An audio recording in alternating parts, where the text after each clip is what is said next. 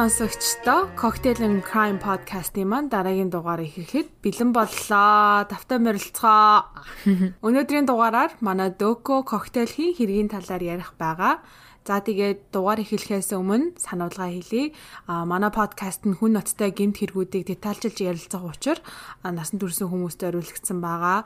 Бас зүрх судасны өвчтэй хар дардаг юмнаас амархан айдаг дулмаа чи хүн байх юм бол сонсны хэрэггүй шүү. Манай байнгын сонсогч нар угаасаа мэдж байгаа. Эрсдлээ даадаг те. Тэгээ шин сонсогч байх юм бол тэгээ эрсдлээ дагаад манай багт, манай гэр бүлт тавтай морилоо. За тэгээд өнөөдрийн коктейлоор миний дуртай юмтай коктейл хийсэн бай. Дөхөнийг энэ юу яриач. За өнөөдрийн коктейлоор юу Manhattan гэдэг нэртэй коктейл хийсэн байгаа. Bourbon орсон хэд хэдэн янзын гашуун ханд орсон байгаа. Гашуун хандны нэг нь болохоор нөгөө Дулмаагийн урдны дугаар дээр ярьж исэн бас мэдээлэл олгож оруулсан байгаа те нөгөө ангстөрөө гашуу ханд бас жүржийн гашуу ханд орсон баг зэргийн sweet vermouth зэрэг юмнууд. За өнөөдрийн ярих хүн маань бас л за нэлээд олон хүний хүсэлтийн дагуу энэ хүний тухай ярихаар боллоо. Тэгээ бараг бит хоёрын дугаар болгоны доор бараг дор хаяж бараг худалчуунд юу вэ? 20-од хүн бол заалттай битсэн байсан те энэ үний нэрийг. Тэгээл мессеж бас өдөр болго ирдэг Кристод бас л дор хаяж 5 6 хүн мессеж ичдэг. Ер нь л бит хоёр хаана л пост оруулна. Тэрний доор энийг яриад өгөөч энийг яриад өгөөч л гэдэг юм бэлээ те. Тэгээд э, явж явж явж гэдэг шиг эцсүүлдээ нэг юм ярих гад бит хоёр сууж ийн. Тэгээ өмнө нь бас бит хоёр хэлж исэн яг энэ хэргийн талаар бол маш тийм дэлгэрэнгүй урд урдных шиг дэлгэрэнгүй мэдээлэл бол үнэхээр байдгүй юм байлээ. Зүгээр яг уу эн тэндээс олж мэдсэн хитэн мэдээллүүдээ та нарт ярьж өгье. Тэгээ дээрэс нь нэмээд хэлэхэд бас олон хүний тэгсэн байлын гэсэн байлээ гэсэн юм байсан учраас бас яг 100% боттой гэж би бас хэлж чадахгүй байна. Уучлаарай. Гэхдээ ямар ч байсан интернеттээсэн мэдээллүүдийг багцлаад яриад өгье. Тэгээ хэдэн жилийн дараа бас энүүгээр кино мино ч юм уу баримтат кино гарахыг үгүйсэхгүй тийм учраас тэр үед мэдээл зүрх юм бол өршөөгөөрэй. За тэгээд а өнөөдрийн хэрэг дээрээ ярих хүний нэр бол Isabella Guzman гэдэг нэртэй охин байгаа. Охинч гэжтэй одоо а одоо бол нас бий гүйтсэн эмэгтэй хүн. Тэгтээ яг хуу тухайн үед одоо хэрэг болох цагт жоох хүүхдээс учраас охин гэд хэлээд байна гэж. За Изабелла Гузман охин 1995 оны 6 сард Америк нэгдсэн улсын Колорадо мужид төрж өссөн. Хэрэг болох үед буюу 2013 онд ээж Юми Хой тэгээд хойд аав Райан Хойын хамт Колорадо мужид ингээ гурлаа амьдардаг байсан. Isabella Overland гэдэг ахлах сургуульд сурдаг байжгаад төгсөж чадаагүй дундаас нь хайсан бэлээ. Ер нь бол багасаа л ээжтэйгээ маш их маргалддаг байсан гинэ. Тэгээ 7 настайд нь амар аашлаад ахаар нь хэсэг хугацаанд ээж нь бүр нөгөө тэгээ төрсэн автаа амьдруулахаар явуулж байсан бэлээ. Жохон бахтан салсан баахгүй. 2013 онд болсон явдал гэж хэлсэн. За тэгээд тэр жил ялангуяа Изабелла ээжтэйгээ бүр илүү их хэрүүл уралтай тэг хэрүүл нь бүр улам хурцтаад улам л ээжигээ хүндлэхгүй амар тийм ааш авир айгу ширүүсч эхэлсэн байсан байгаа яг тухайн үедээ 2013 оны 8 сарын 27-нд ээжтэйгээ маргалдчихж агаад ээж рүүгээ бүр нүүрлүү нулимжсэн байгаа байхгүй юу. Тэгээ тэр өдрийнхөө маргааш өглөөний Isabella ээж руугаа бичиж явуулсан имэйлийг нь ээж нь уншичаад нөхөртөө харуулсан байгаа. Тэгээ тэрэн дээр нь юу юу ямар имэйл байсан бэ гэсэн чинь you will pay буюу одоо монголоор чи төлөх болно те шангаа хүртэх болно гэсэн тийм сүрдүүлгийн шин чанартай имэйл явуулсан байсан. Учираас ээж нь тэрийг нэлээд тэг сериосны хүлээж авсан байлээ. Ягаад сериосны хүлээж авсан юм бэ нлээ гэж байгаа вэ гэхлээр түгээрт тэр доор нь эхлээд Isabella-гийн төрсөн ав болох Роберт Гузманыг дуудаад Тэгээ охин чинь бүр ингээ болохоо байлаа. Чи ирж нэг хідүү үг мөг хилээтгэхтэй ингээ намайг бүр ингээ сүрдүүлээд байна гэ дуудсан ба. Тэгээ Роберт ирээд охинтойгоо тэр одоо эн чинь имэйл ирсэн өдрөө тэр даруйд авахгүй юу? Роберт ирэнгүүтээ охинтойгоо ингээ яриа суусан баг. Тэгээ Роберт өөрөө хэлэхдээ бид хоёр дэ гэрийнхаа гадаа ингээ хашаандаа суугаад мод руу хараад тэгэл тэрүүгээр явж байгаа амьтдыг хараад ингээ ярилцаа суусан. Би ерөөхдөө эцэг ихээ яага хүндлэх ёстой тухай те ер нь яагаад ээж ахаа үгэнд хойд аавынхаа үгэнд орж явах ёстой Тэгээд эцэг эхийнхээ үгийг одоо сүрхийн оронд үгэнд нь орох юм бол ер нь бүх юм аянда сайхан болох тухай ингээд бит хоёр айгүй их юм ярилцсан гэж хэлсэн байдаг. За тэгээд тэрний дараа аавг нь явсны дараа Юнми цагдаа дуудсан ба. Тэгээ цагдаад болохоор тий манай охин ингээ намайг сүрдүүлээд байна гэж хэлж дуудсан байгаа. За тэгээ цагдаа нар ирээд ээж охин хоёртой ярилцсны дараа өө энэ бол зүгээр гэр бүлийн байнга болдог тийм явцуу хэрүүлэн а хоёр талтай ингээ яриад үцгээд угаасаа нэг амар тийм сүртэй юм байхгүй ер нь асуудал шийдвэрлэгдсэн юм шиг байна гэж тэр уулзалтыг дүгнж битсэн тэмдэглэн дараа шүүх хурал дээр гарч ирсэн байдаг. Тэгээд одоо бодвол нөгөө аав маав нь ирээд хөнтөөгөө жоох юм юм яриад суусны дараа жоохон тайвширцгаасан юм шиг байгаа. Дээрээс нь угаасаа нөгөө байн хэрүүлтэй байдаг болохоор цагдаа нараас нэг тоогоогүй юм шиг байгаа. Тэгээд тэдний бүр нөгөө юу хөршүүд нь хүртэл мэддэм байлээ энэ ээж охин байн хэрэлж идэг гэд. Цагдаа нар явсны дараа тэр өдөржингөө Изабелла өрөөндөө орчоод ерөөсөө гарч ирээгүй гинэ. Хойд аав нь Изабеллатай гэртээ үлдээд тэгээ Юнми болохоор ажилдаа явахаар гарсан байгаа үтээс хойш. За тэгээ Юнми болохоор Bella's Portrait Studio гэдэг нэртэй гэрэл зургийн газар ажиллаулдаг байсан юм байлээ. Ажлаа тараад тэр оройно буюу одоо энэ чинь 8 сарын 28-нда ажлаа тараад юмми 9 цаг 30 минутын үед гэртээ ирээд Тэгээд гэртээ ирчээд нэг худалгүй усанд орохоор дээд өрөө рүүгээ гардаг. Юнмиг дэшээ гарсан үед нь Ryan Hoy болохоор доод давхартаа сууж исэн. Тэгсэн чи гинэт дээд давхраас ингээ төс тас гэдэг дуу чимээ гараа. Тэгээд Ryan-ыг Юнми ингээ дуудах шиг болохоор нь дэшээ гүгээд татсан чинь тэр дуу нь баны өрөөнөөс гараад байсан. За тэгээ тийм учраас хаалгыг нь онгойлгох гэсэн чинь Isabella ингээд дотроос нь түлхээд тойжлчихсан гэж аахгүй нүүрэн дээр нь. Нөгөө орилол дуу чимээ гараад одоо зодтолтооч байгаа юм шиг тэд амир сүртэй дуу чимээ гараад харин Ryan сандраад 911 дуутахаар доошоо буугаад тэгээ эргээ ирсэн чинь бааны өрөөний хаалхан доороос нь цус урсч ийсэн гинэ Тэгээ хаалгын нэг уусаа ингээ эвдгээ эвдэж чадахгүй тэ ингээ ноцолж байгаа штэ бас дээрээс нь ингээ уцаар 911 дутцсан тэ цагдаа дөрөнд дут цагдаа дутцсан. Тэгээ байж чи гинт бааны өрөөний хаалга онгоогод за тэгээ Ryan өөрөө мэдүүлэхт хэлснээр болохоор хаалга онгооход Isabella хутга барьчихсан цуснд бодогдсон ингээ зогсож исэн гинэ.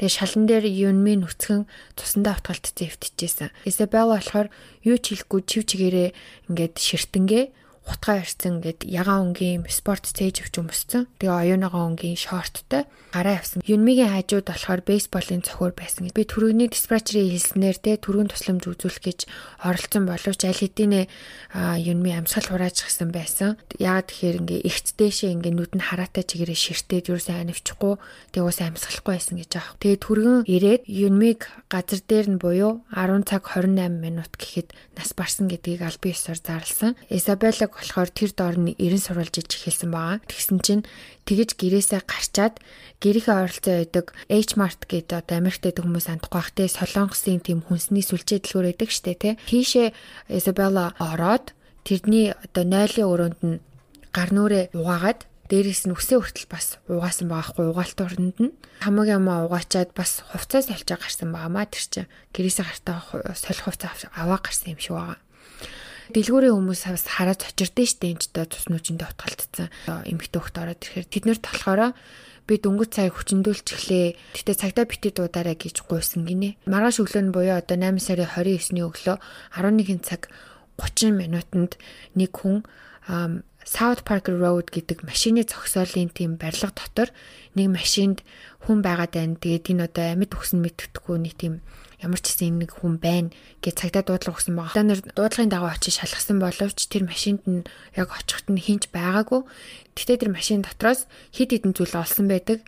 Тэр зүйлүүд нь болохоор одоо урьд нь олсон аллагатай холбоотой байж болзошгүй зүйлс байсан учраас нэмэлт хүч болгож undercover буюу үнгэн хүн шиг хувцалсан одоо цагдаа нар хэм үү.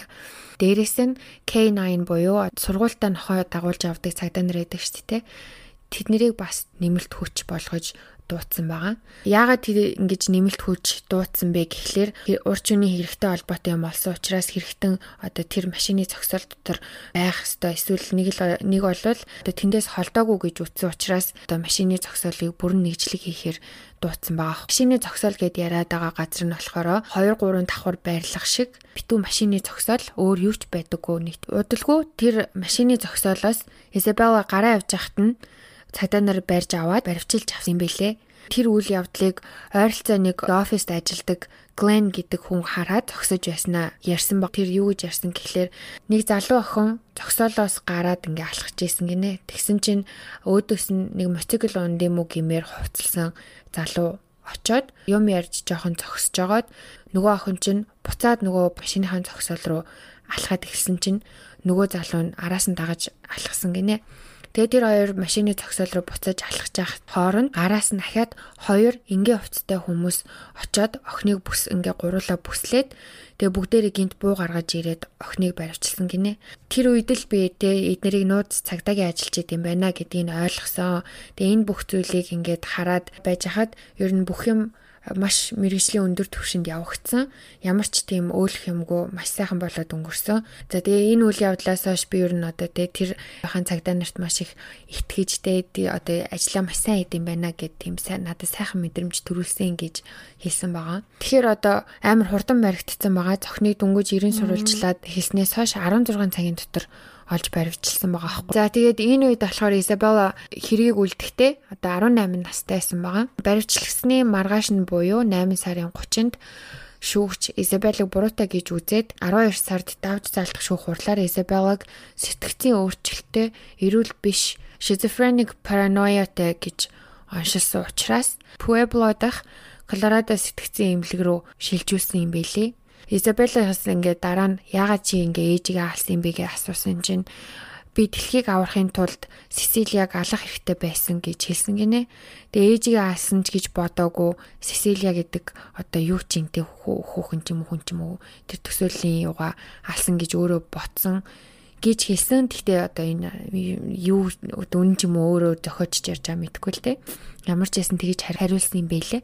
Баривчлагдсны дараа ер нь бол энгийн биш хүн юм уу да гэмээр тийм шинж тэмдгүүд илрээд байсан гэсэн. Ингээ хий юм байгаа юм шигээр ширтээ суугаал те. Нэг бол тас тас гинт инээгээл э, хий юмтай яриад эсвэл тэгэл өөрийгөө шоолж моолол инээж минэгээл исэн гинэ. За тэгээд байны өрөөнд юу болсон тухай анх хэрэг болсны дараахан Изабелла ээжигээ хүзүү нүүрлүү нийт 79 удаа хутгалж алсан гэсэн мэдээ байсан боловч яг шүүх хурлын үед тэр нь 151 удаа байсныг тогтоосон юм бэлээ.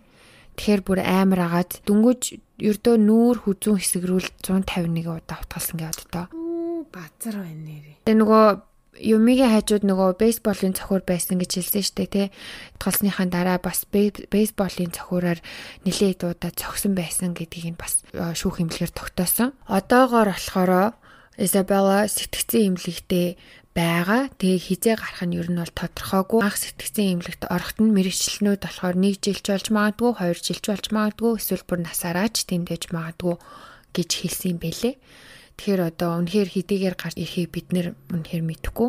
Одоо ихчний 2013 онд болсон хэрэг ч гэсэндээ энэ жилээс эхсүүлээд энэ TikTok-оор л энэ тухай ашиг шуурж эхэлсэн юм шиг байгаа. Монголчууд ч гэсэн амар их мэдчихсэнийг бодвол одоо Монголын TikTok-оор ч гэсэн нилээ явсан юм шиг байна те.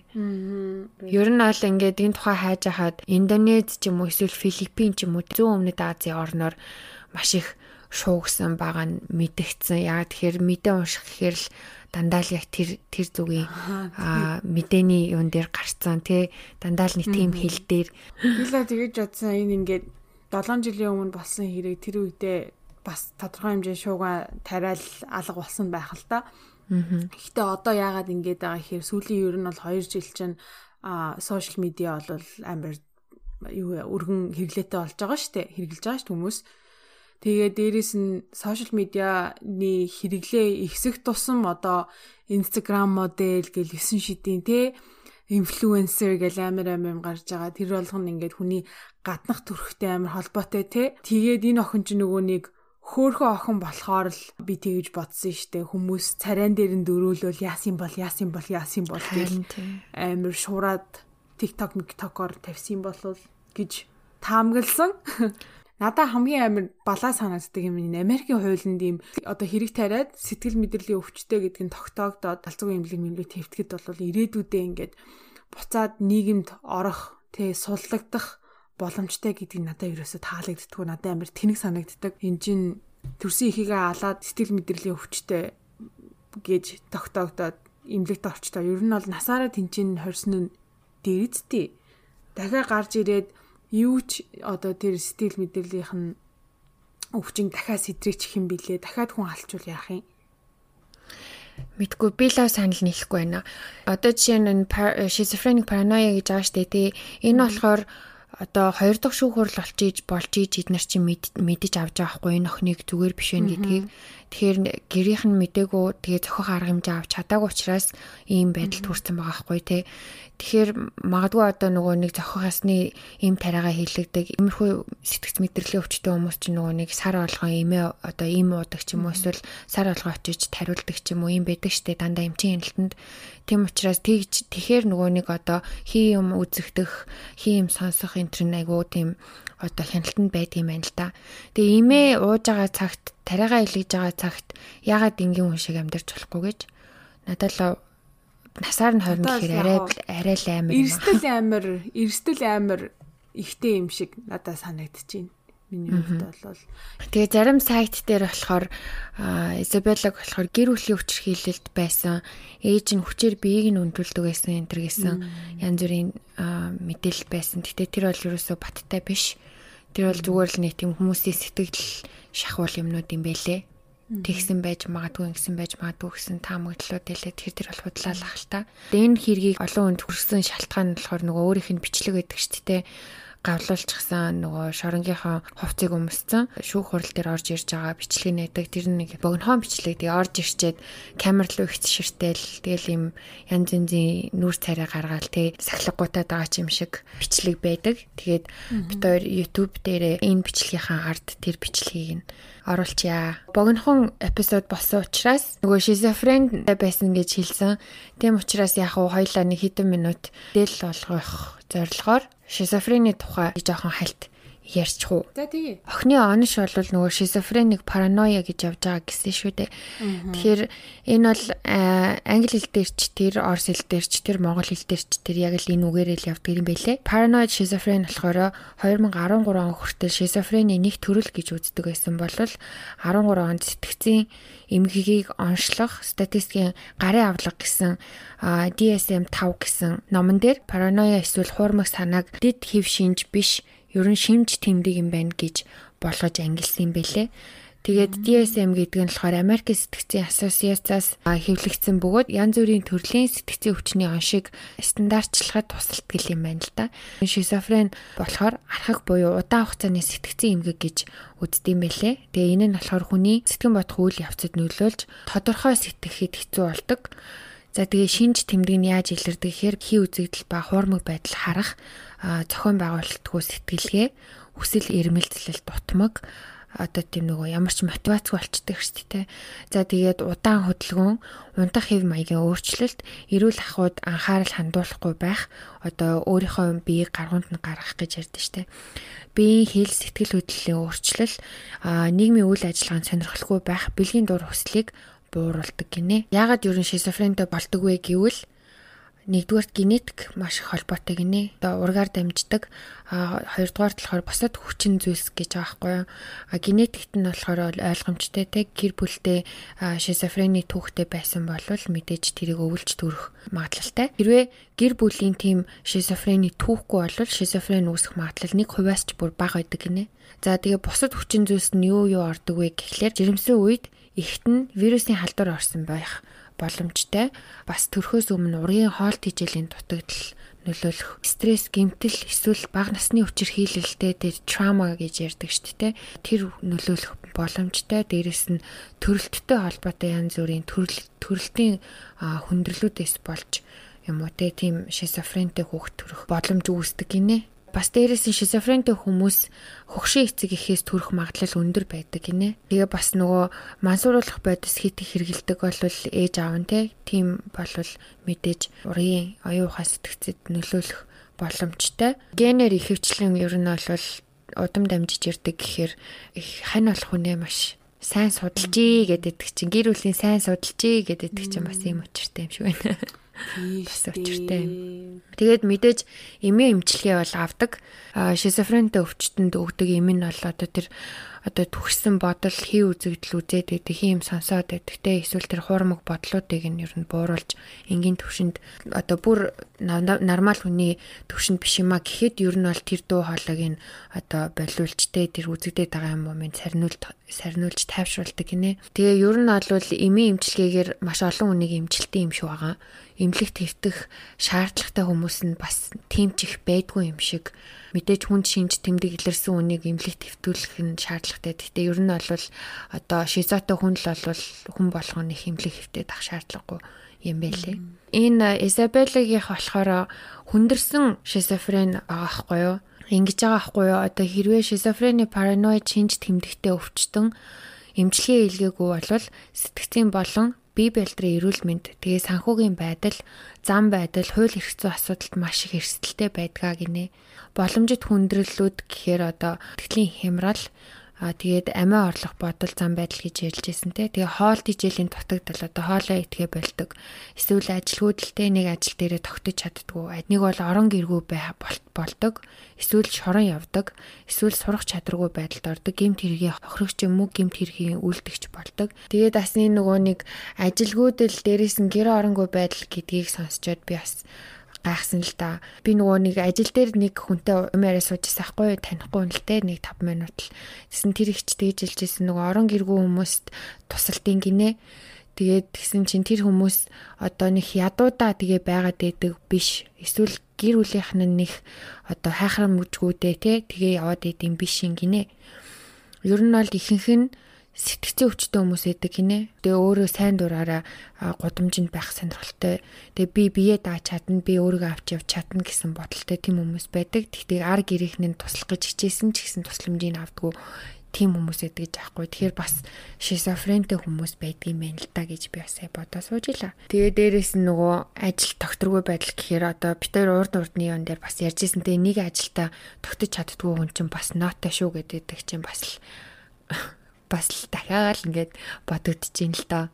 Тэг мэдээж нэг ажил дээр тогтож чаддгүй хүн болгоны буруу биш л те яг нэг мангар азгүй баачка байж болно шүү дээ. Тэг нэг хэцүү босстой дандаа таардаг ч юм уу нэг юм болохоо ичдэг ч юм уу. Тэрийг бол үгүйсэхгүй. Гэтэ яг ерөнхий шинж тэмдгээр ярьж байгаа учраас их ерөн зөндөө олон алуурчид тийм байдаг шүү дээ. Нэг тийм олигтой ажилтай амтан байхгүй ажил одоо удаан тогтож чаддгүй хариуцлага үүрч чаддгүй те. Би л одоо гэж бодож байна За яна бариад идчих үед гэсэн. Юу а ер нь доктортой ажил хийж чаддгүй хүн хувь хүнээр нь ч гэсэн дүгнэхэд бол ер нь жоохон тавтаргүй барьцгүй хүмүүс идэв штэ. Надад л тэгээ санагдав. Яг үнэхээр ингээд учраа олгож явж байгаа байдаг. Гэхдээ амар олон жил бүр хид хид хид хид хид хид удаа ингээд ажиллаа солилцсон. Тим хүмүүсийг харахад яах гээд байгааг нь мэддэхгүй. Тэгэл тийм л санагддээ штэ хариуцлагагүй те. Угаасаа тийм хүнийг ер нь ажил ажил олгогч гэсэн ажилд авах их дургүй байдаг штэ те. Би одоо нөгөө хүний нөөцтэй ажиллаж байгаа болохоор яг тэрийг нь яг хамгийн анх баг ажилд ороход л надад хэлжсэн байхгүй манай захирал. Одоо ингээ хүмүүсийн резюмег ингээ уншиж хахад нэг ажилдаа тий ингээд бүр ганцхан сар ажиллаа гарцсан 2 3 сар болоо гарцсан ингээд 80 юм ажиллаж ихсаацсан хүмүүс байдаг амар сонио. Тэгээ тэднэрийг ингээд за энийг бол хизээч одоо хүн ажилд авахгүй наатхан дээрээ цагаа битгүүр гэж хэлдэг байсан байхгүй. Тэгээ ер нь бол ажил олгогчд ч мэдж байгаа ер нь нэг юм даяараа мэдж байгаа учраас нэг ажилдаа доктортой яцгаагаарэ гэж. Нэг амар. Тэгээд яг гоо энэ тухай уншаа сууж байхдаа бас бодчихлаа. Бит хоёр ингээд хичнээн аллаг алуурчин гэж ярьдаг ч гэсэн мэдээж сэтгэл зүйн талаас нь маш их ярих гэж хичээдэг штэ. Тэгээ манай сонсогчид ч гэсэн тэрэнд минь дуртай юм бэлээ. Тийм учраас бит хоёр бол нэг тийм сэтгэл судлалаар сурж сурж мурсан хүмүүс биш. Зүгээр л энгийн иргэний хувьд ингээд дор дороо зүгээр ингээд өгдөлээ өөр өөр өөр өөрсдийнхөө өөрөө өөрсдийнхөө хэмжээнд хийсэн судалгаан дээр одоо үндэслэж ярьж байгаа учраас алдаатай юм ярьсан байж магадгүй. Хэрвээ мэрэгжлийн хүн сонсч ивэл хэрвээ бид хоёртай хамт те ингээд дүн шинжилгээгээд ингээд суугаад одоо манай подкаст хамт оролцоод хоёр туслах хүсэлтэй ганц хоёр дугаар хийя. Энэ ийм сэтгцэн өвчнийг ярьж өгье гэсэн тийм мэрэгчлийн хүн байвал хандаж олно. Хоёр бол нээлттэй те. Энгийн хүмүүс, энгийн бид нарт ойлгогдох хэлээр сайхан тайлбарлаад өгөх хүн байвал бас сайн байна Ягаад тэгэхээр би лав нэг юм эмч хувцтай хүн амар тийм лаглаг латин амар амар үг хэлээд тахаар надад бүр ингээд үзэж чаддгүй. Амар хитгэн албаны санагдаад байдаг байхгүй юу? Тэгхгүйгээр зүгээр л энгийн 10 жилийн хүүхдэд ойлгохоор яриад өгчих хүн байвал холбогдоорой. Дээрийн стил чи угаасаа тийм штэ албаны биш штэ.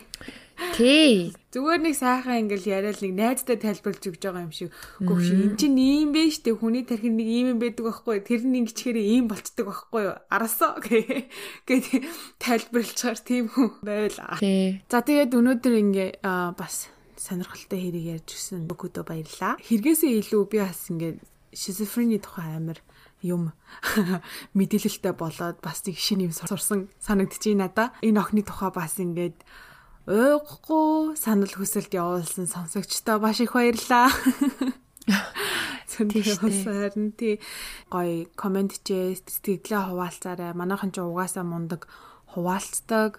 А гэхдээ ингээ яг юу ярьж байгаа хэргийн тухай бас сонирхолтой тий а сэдвүүдийг дэвшүүлж яривал бүр гоё шүү.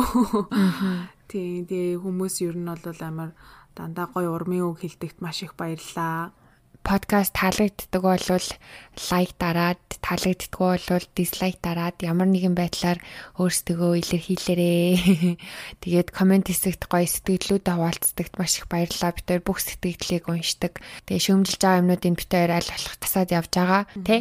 Гэхгүй юу. Амьдаа тасаад энэ даа. За за өнөөдрийн дугаар ийм байна маш олон хүн хүлээж исэн зүйлээ авсан байх гэж найдаж байна.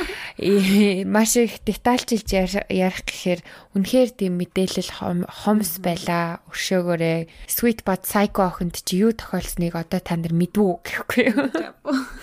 Одоо та нар мэдэж авсан гэж найдаж байна. Энэ үртэл сонссон хүн чи хэн бидэг хэлээд болмаа гэж. MVP